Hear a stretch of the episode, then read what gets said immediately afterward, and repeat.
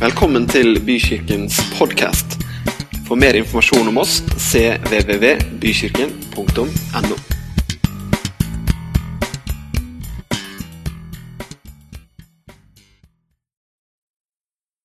Riktig god formiddag. Jeg skal få dele noen eh, ord og tanker med dere i dag. Eh, sist gang jeg gjorde det, for noen uker siden, så, så snakka jeg om uh, sinnets fornyelse. Jeg skal på en måte fortsette litt eh, på samme tema i dag. Eh, Jeg skal dele litt om dem som Bibelen kaller for åndens frukt. Men før jeg sier noe, så skal vi se en video av en som heter Nick Vujicic, tror jeg er riktig uttale etternavnet, på fire minutter ca. Yes. Det var preken nok, det. Men eh, jeg hadde lyst til å vise dem fordi det er rart med det. Noen mennesker får alt, har alt, og ender opp med å miste det. Og andre mennesker har eh, får ingenting, men får allikevel alt. Sånn som han her, som han sa han summerte opp livet sitt når han var åtte år gammel og tenkte at jeg kommer jo aldri til å bli noe ut av det livet jeg har. Og så blir det det allikevel. Og det syns jeg er fantastisk, og det er noe å tenke litt på. Og Det var som, det var flere ord han nevnte her da man snakka om takknemlighet, blant annet. Som er en kjempeviktig verdi. da. Og dere har sikkert alle møtt dere selv og mange andre langs veien. da. Men det, det at livet skal bli noe, det er jo veldig viktig for oss. ikke sant? Og Noen ganger så kan vi få veldig mye goodwill, og så misbruker vi det. og så går vi glipp av gode ting vi skulle fått med oss i livet. Jeg husker, husker når jeg var eh, 11-12 år gammel. Så eh, Da gikk jeg på skolen, da, selvfølgelig. I eh, femte, sjette, sjette klasse, tenker jeg. Det her var vel i 1978-79 eller noe sånt. Så skjedde noe fantastisk på skolen vår. fordi at eh, i 1978 Noen av dere husker det, noen av dere har lest om det i bøker i gammel, historie. Men i 1978 så var det fotball-VM i, eh, i Argentina, faktisk i Buenos Aires. Eh, Og da var det jo Mario Kempes og Loke og alle de her som var så gode. Argentina vant jo fotball-VM det året. Det var kjempegøy. De hadde en coach som røyka på benken hele tida. De gjør ikke det lenger, coachen. Han satt og røyka hele tida på benken og smilte jo aldri. Han smilte så vidt når de vant eh, VM, liksom. Men det som var, var at alle vi gutta på skolen som spilte fotball på Løkka, vi ville jo vi var jo spillere, da. Jeg husker det var veldig 'Hvem er du?' Og da var du gjerne Beckenbauer eller Kempes eller, eller Johan Cruyff var også ganske populær. Så vi var jo forskjellige skikkelser der ute når vi spilte på Løkka. Husker jeg, ja, men jeg sa det først. Da kan ikke du være Johan Cruyff når jeg var Johan Cruyff først. Og det var regler på det her da. Så kom denne gutten da plutselig på skolen vår, som begynte på skolen. Så hørte det begynner en ny gutt i parallellklassen som er fra Argentina. Og Han kom på skolen, og han hadde argentinsk landslagsdrakt. Og vi tenkte jo med en gang at eh, han der han er bare enormt god i fotball. Han er fra Argentina. Han er, fra, han er nesten med på landslaget, faktisk. For han, han er jo derfra. Og han har sånn drakt. Og Norge hadde jo ikke vært utafor kretsmesterskapet omtrent den på den tida. ikke sant? Så Vi var jo liksom et potetland i forhold. Så vi, hele, alle gutta husker å, ly- Vi ville bli kamerat med han. Og han, han, han må jo få med og sparke fotball. Og vi fikk kontakt. Han snakka ikke bra norsk, eller noen ting. Vi fikk han med og fotball og trøya di og ja, ja, ja, ikke sant? Og det var en veldig krangel nærmest om hvem som skulle ha han på laget. For det var liksom Fus og ja, jeg tar han og han og han. Han ble jo tatt med én gang. Og så begynte vi å spille fotball. da. Han var jo skikkelig dårlig. Det var en enorm skuffelse, husker jeg. Og så var det ikke bare at han var dårlig. da. I tillegg så var det en ordentlig tysen type. da. Så en dag på Løkka etter bare to-tre dager så klappa han til en fyr. Og Etter det var det jo ingen som ville være venn med han lenger. Jeg vet ikke hvordan det gikk. Jeg tror han hadde et litt vanskelig liv, da, sett fra et voksenperspektiv. Men som barn så var det jo game over veldig fort. Og Han var et sånt eksempel på en som fikk all goodwill du kunne bare få. Han ble tatt imot med så åpne armer du kunne bare tenke deg av denne guttegjengen. Og så plutselig så ble det stengt av, og han mista egentlig kontakten med hele den gjengen og det miljøet som han kunne fort kommet inn i. Og alle, alle, her i livet vi vil jo lykkes vi vil jo at ting skal gå bra for oss. Det ligger jo liksom i oss. det Vi ønsker at livet skal bli godt. Selvfølgelig gjør vi det. Det ligger naturlig i alle mennesker. Og Gud skapte oss jo faktisk. Mennesket, når mennesket ble skapt og plassert i Edens hage, så skapte jo Gud, jo, Gud skapte mennesket i en situasjon av overflod av velvære, hvor det var godt å være. Det var jo ikke et sted av mangel, det var jo ikke et sted av nød hvor Gud satt mennesket. Han satt mennesket på et veldig godt sted. Og det ligger nok i oss. ikke sant? Vi vil være på det gode stedet. Vi vil ha overflod i livet.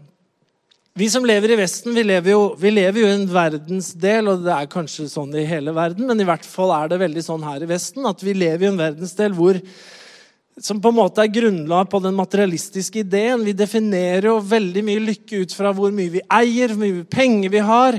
Og veldig mye av reklamen går jo på det at du blir lykkeligere om du skaffer deg, om du får kjøpt denne nye bilen, dette huset, denne sofaen osv.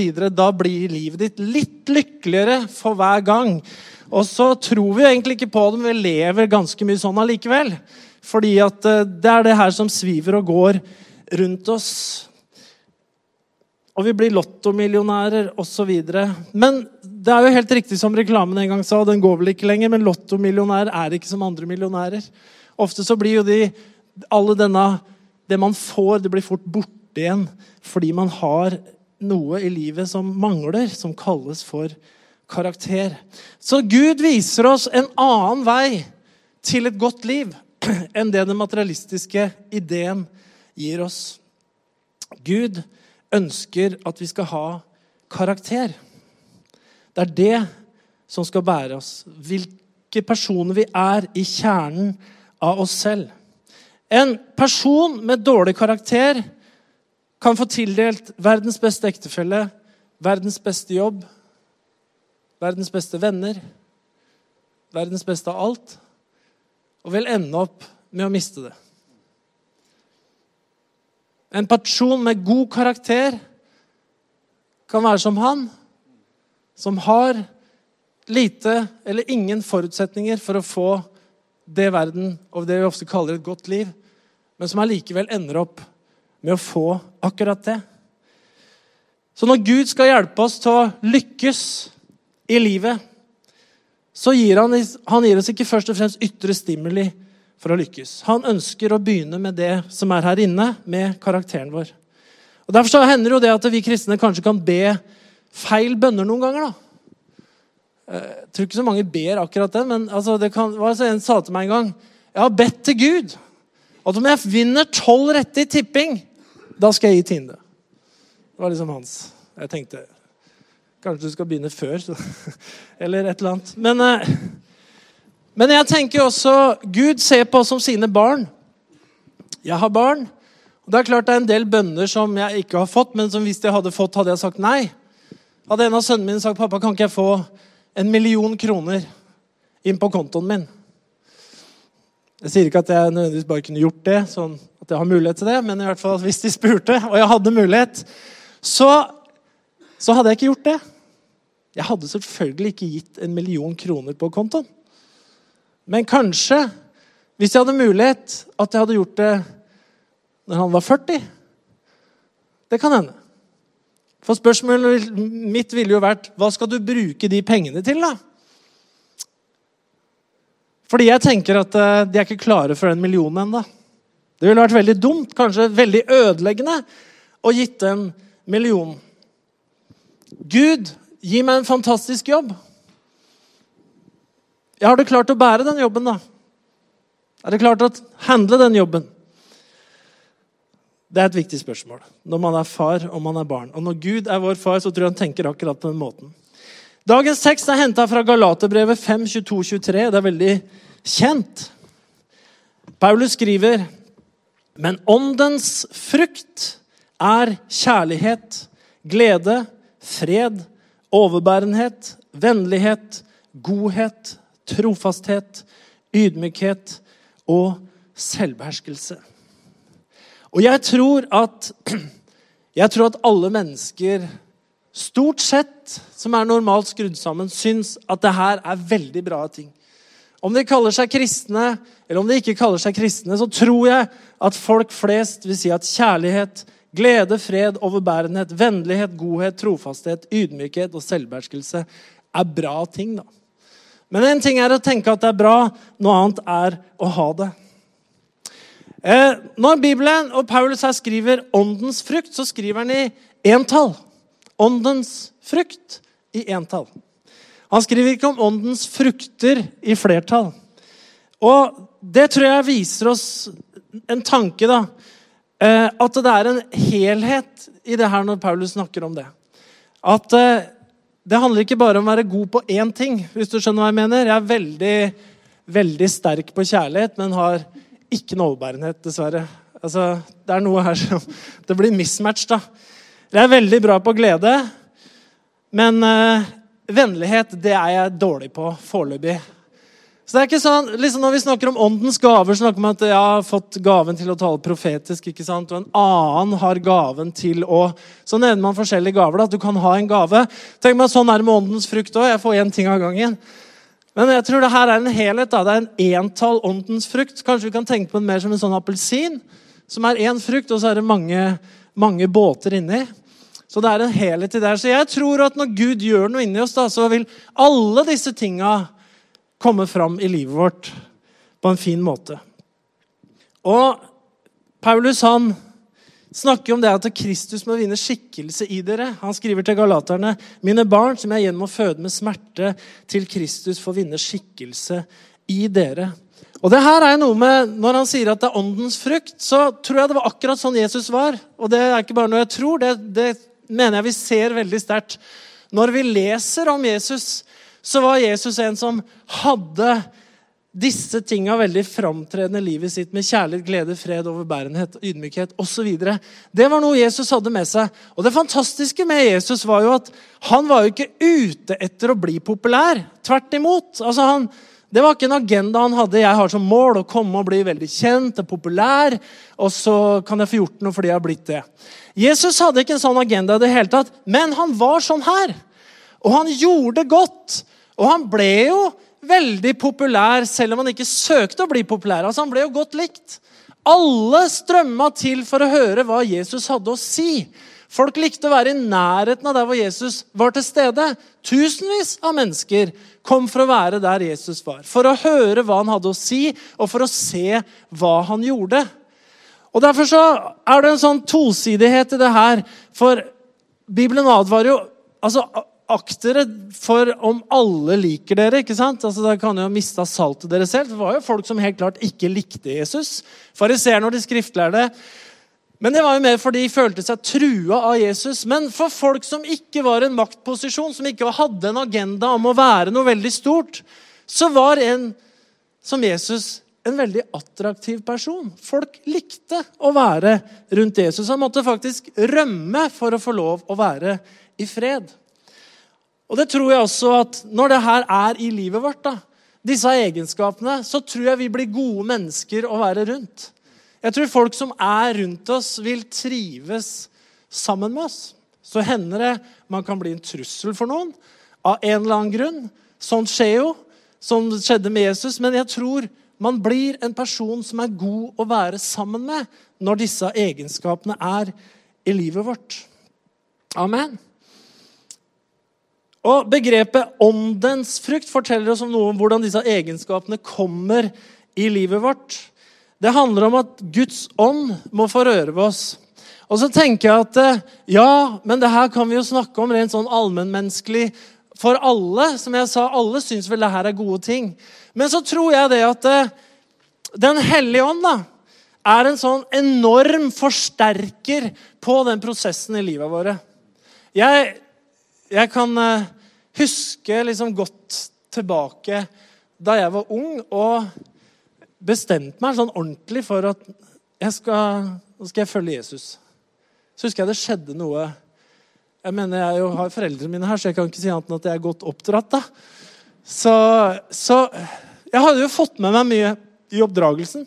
Selvfølgelig, og alt rundt meg, alt sammen, som var veldig bra, som hadde med mange av de tingene her å gjøre. Men Min opplevelse da, det var det at jeg husker det så godt at når jeg overga hjertet mitt til Gud, veldig sånn personlig og sterkt, så, så, husker jeg at det, ting ble, disse tinga ble så forsterka inni livet mitt. Det ble som å sette på lyset skikkelig.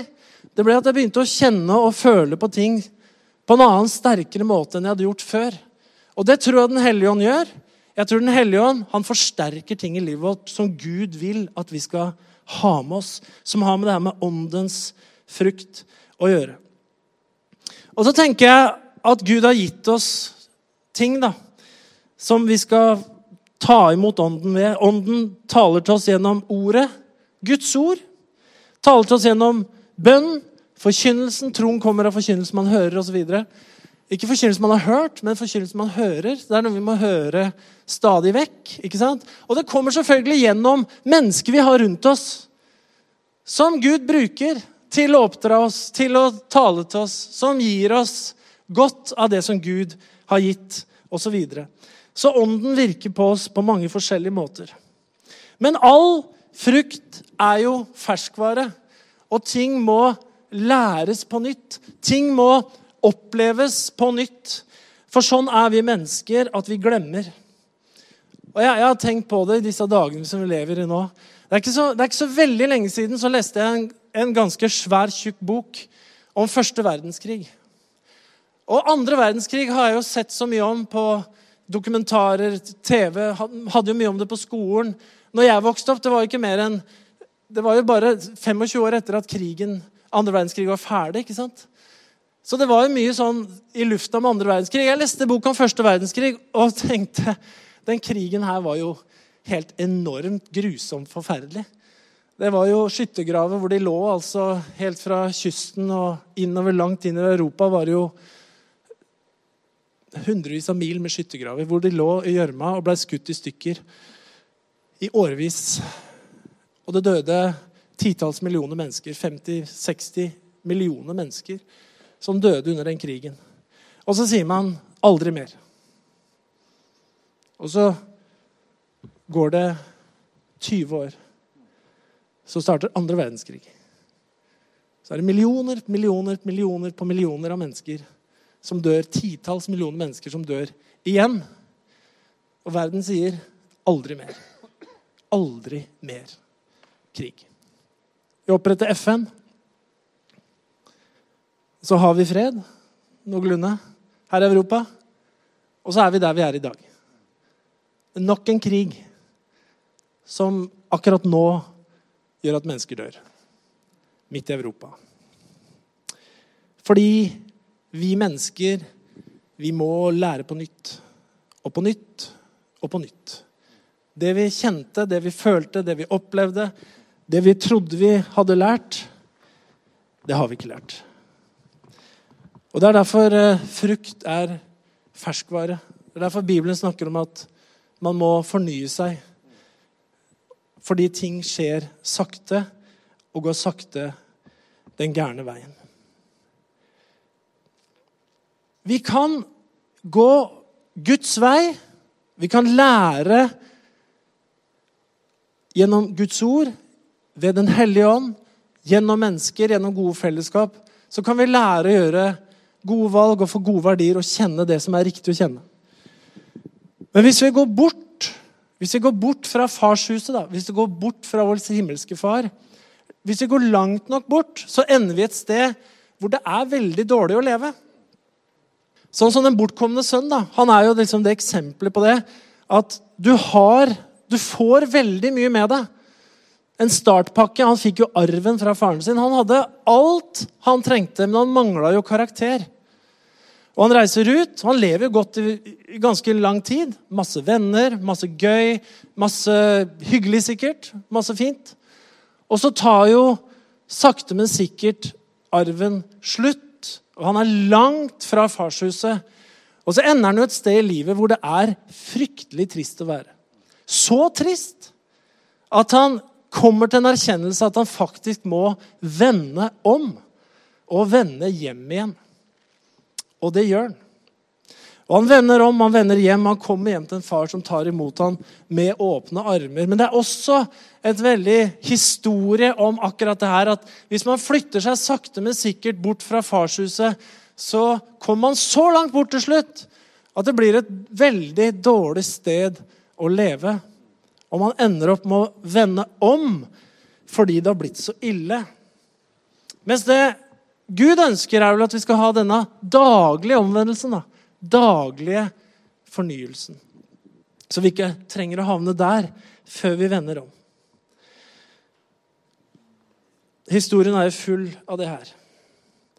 Og det er det her med, med sannhet og kjærlighet da, som også går med det her med karakter. Fordi at når Bibelen snakker om Jesus, så snakker den om at han var full av sannhet og nåde. sier Skriften, ikke sant? Han var full av sannhet og nåde. Og Derfor så tror jeg det er så viktig også det her med med Guds karakter da. Eh, for en kristen at uh, vi skal ha sannhet. Vi må også ha nåde. ikke sant? Vi må ha sannhet, vi må ha kjærlighet. Det her må jo gå sammen. Hvis ikke så blir man en sånn slags fariseer. Han skriver også Paulus i Efeserbrevet 4,15.: Vi skal være tro mot sannheten i kjærlighet og i ett av alt vokse opp til Han som er hodet, Jesus Kristus. Det fins mange eksempler i historien på steder, kirkebevegelser, som har mista den åndelige karakteren, som har mista det man kaller for åndens frukt, og som bare ender opp med sannhet. Jeg bør ikke ta en lang historie om det, men i Massachusetts i, i USA så var det en by som ble grunnlagt. Den finnes jo den dag i dag. Salem. Salem er et vanlig kirkenavn, frikirkenavn i Norge. Eh, Salem, fredens by betyr det vel. Som ble grunnlagt tidlig i amerikansk historie. Massachusetts var de første områdene i USA som ble, eh, hvor vi, liksom europeerne eh, etablerte seg. Og Salem skulle jo være byen som var tufta på, på Guds ord. Punktum ferdig. Det skulle være en by som nesten var som en menighet. Eh, og man tenkte at her skal vi bare leve til Guds vilje. Du burde lese en historie. Ganske interessant. Det ender jo opp eh, fordi man mister karakteren og ånden og kjærligheten, så ender det opp med hekseprosesser. I februar altså i 1692 og mai 1693 så er det over 150 mennesker som blir arrestert, anklaga for å være hekser. Og 26 blir jo henretta fordi de mener at de, har, de, er årsaken til at eh, det ikke går som det skal gå, med avlinger osv. Og så, så man sitter med en slags sannhet, da, og så går det fryktelig gærent. Mens Gud ønsker at man skal ha sannheten tro i kjærlighet. Hvis vi tar en av de egenskapene i den pakka som kalles åndens frukt, da, trofasthet La oss se litt hva det betyr. Trofasthet betyr å være lojal. Kan vi liksom måle oss sjøl litt? Sånn. Noen ganger er det litt sånn ålreit å måle seg sjøl. Kanskje ikke vi liker det så godt, men det er litt greit. Lojal, en som blir trofast i forhold til en bestemmelse. En som har respekt for sine venner, sin menighet, sitt lag, omgivelsen man er i, som er lojal overfor forpliktelser og løfter. Kona mi er sånn. Hun sitter her. Kjempebra. Hun er lojal. Vært med meg nå i 27 år. Kjempebra. Yes. Trofast bevarer troen på noe. En som ikke bukker så veldig lett under når ting forandrer seg. Har du sett det? Jeg, jeg, jeg pleier jo ikke å følge så mye med på fotball. Men jeg, jeg, følger, følte litt med i fjor. Ole Gunnar Solskjær han var jo norsk manager i Manchester United. Det var litt gøy å følge med på han. Og Da kom jeg inn på noen sånne fans, eh, altså fankanaler da, på YouTube. Det må jeg si det var interessant. altså. Der var det mye tro og trofasthet og tvil. og, og sånn. Det var liksom fra kamp til kamp. Er han den rette mannen? Er han ikke den rette mannen? I dag er han den rette mannen. Vi vant 2-0. Nå er han ikke den rette mannen. Det var ut og inn hele tida. Skal vi sparke en? Burde vi eh, Ole, Ole, out, Ole inn, Ole out, Ole inn? Det var liksom hele tida. Jeg tenkte det var utrolig slitsomt eh, å være fans for den klubben. Det er sikkert det i 2022. da, Veldig slitsomt nå. Men altså, det er, det er liksom ut og inn, ut og inn hele tida. Mens, eh, mens jeg tenker det her med trofasthet er at man bevarer troen litt. da. Man bevarer troen, At troen er fast i forhold til ekteskapet, forhold til sine barn, forhold til sine venner. Man er pålitelig. Man er en man kan stole på. Vet, det er jo enkelte mennesker man aldri spør om hjelp. Hvorfor det? Ja, Du spør bare ikke. For det skjer jo aldri noe. ikke sant? Og så er det noen du alltid spør om hjelp. For du vet at du spør jeg han, da skjer det noe. Spør jeg han, spør jeg henne, da gjennomfører personen. Og Et gammelt jungelordtak sier jo det at hvis du skal få noe gjort, så må du spørre noen som har mye å gjøre. Det må du gjøre. Spør noen som har lite å gjøre. De får ikke gjort det. Spør en som har mye å gjøre. Han får gjort det. Som regel så er det faktisk sånn.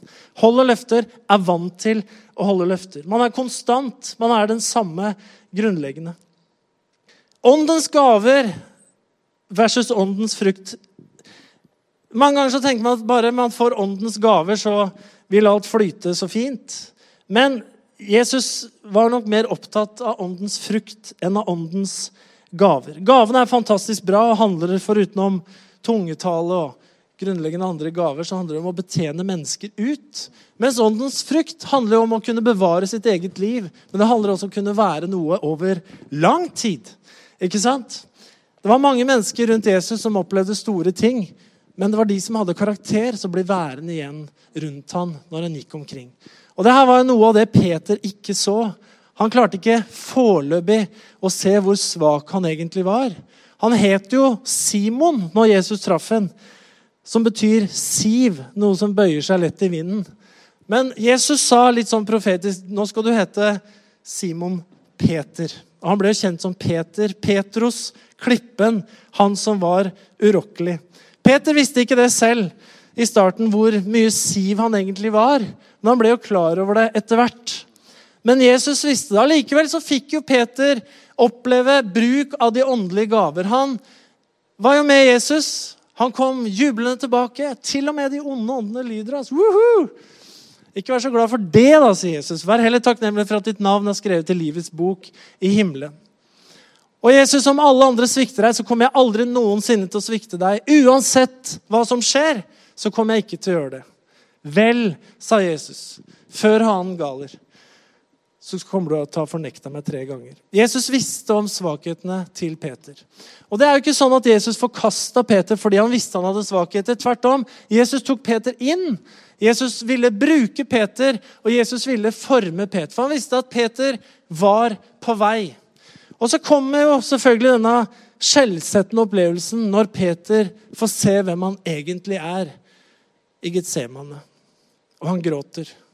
Og han er fortvila. Og han skjønner at det Jesus hadde sagt kom til å skje, det hadde skjedd. Han hadde bukka under for presset. Og da var det ikke sånn at Jesus forkasta Peter etter det. Men han møter Peter etter at han har stått opp fra de døde. Og så har han bare ett spørsmål. Og det er Peter, elsker du meg? Han sier, ja, Herre, du vet at jeg elsker deg. Og Så kan man jo tenke at det syns Jesus var greit. Men han spør enda en gang. Peter, elsker du meg? Og Peter må svare enda en gang ja. Du vet at jeg elsker deg. Hadde jeg vært Peter da, så hadde jeg kanskje følt er han snart ferdig med å stille det spørsmålet. Men Jesus kommer enda en gang og spør. Peter, elsker du meg? Og Peter svarer, ja, Herre, du vet at jeg elsker deg. Og da tror jeg Peter håpa at han ikke skulle spørre enda en gang. Og det gjorde han heller ikke. For like mange ganger som han hadde fornekta Herren, så ble han spurt om han elska ham.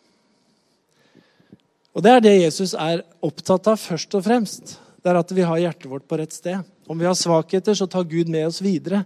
Men Gud ønsker å forme karakteren, karakteren vår. Han ønsker at det her med åndens frukt skal få lov å vokse fram i livet vårt. Og det har utrolig mye å si. Og jeg tenker, Nå skal jeg være litt sånn der utfordrende, da. men håper ikke at det blir gærent for deg. Men jeg tenker hvis, det, hvis du har, har det sånn i livet ditt at ting rundt deg og overfor mennesker rundt deg veldig ofte går i stykker og i stå, så tenker jeg at du skal gå inn for Gud og tenke litt på hvor, hvor står jeg i disse sakene og i disse relasjonene hvor ting ofte blir så vanskelig. Er det, i, er det noe i min karakter? Er det noe i min væremåte som gjør at det skjærer seg. Gud, er det noe du kan lyse på i livet mitt som gjør at jeg kan vise mer kjærlighet? Jeg skal ta et eksempel. Jeg tror det går bra, for det går på meg.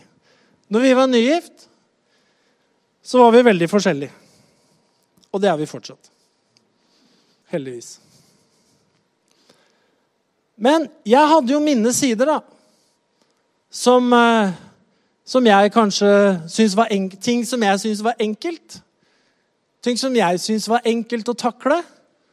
Og så hadde jeg ting som jeg ikke syntes var så enkelt, som hun syntes var lett å takle.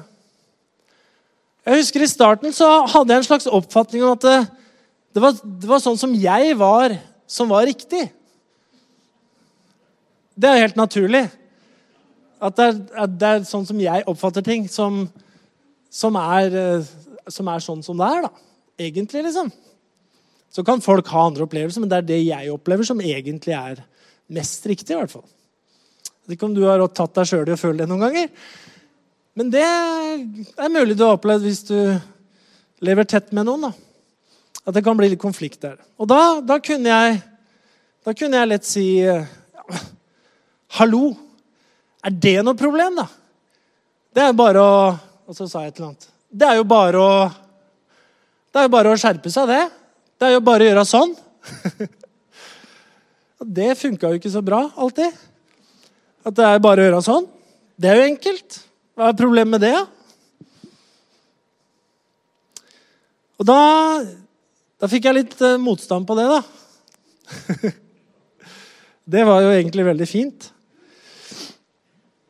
Eh, og da Det var litt vanskelig, husker jeg, å skjønne at uh, måten jeg reagerte på, ikke var grei. altså. Det var ikke så lett å forstå at det ikke var greit. For i mitt hode var dette kjempeenkelt og greit. Men det var det ikke. Og da måtte jeg begynne å gå i meg sjøl. Det var ting som jeg gjorde saker og ting på, måten jeg sa ting på, som gjorde at det ble dårlig. Og Jeg husker når jeg blei ungdomsleder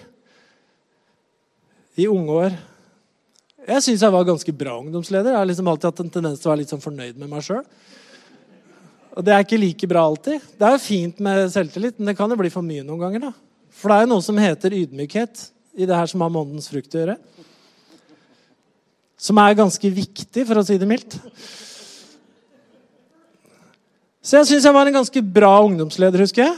Hadde liksom litt bra drive og Ja. Og så husker jeg det kom, eh, kom ei til meg og var veldig lei seg. Sånn skikkelig, liksom. Og både på vegne av seg sjøl og andre. De var veldig lei seg av måten jeg sa en del ting på. Måten jeg hadde gjort ting på. Og jeg ble, husker jeg blei så overraska. Ja, men Hallo, liksom. Det var min første reaksjon. Du kan jo ikke tenke sånn. Jeg mener jo ikke det. Og da får du et valg, da. Når du kommer, får sånne reaksjoner av mennesker rundt deg Enten er de helt ko-ko, de skjønner ingenting. Da har du lagt egget. Da er du ferdig, egentlig, som leder. da. Eller så må du gå i deg sjøl og rett og slett la lyset komme på.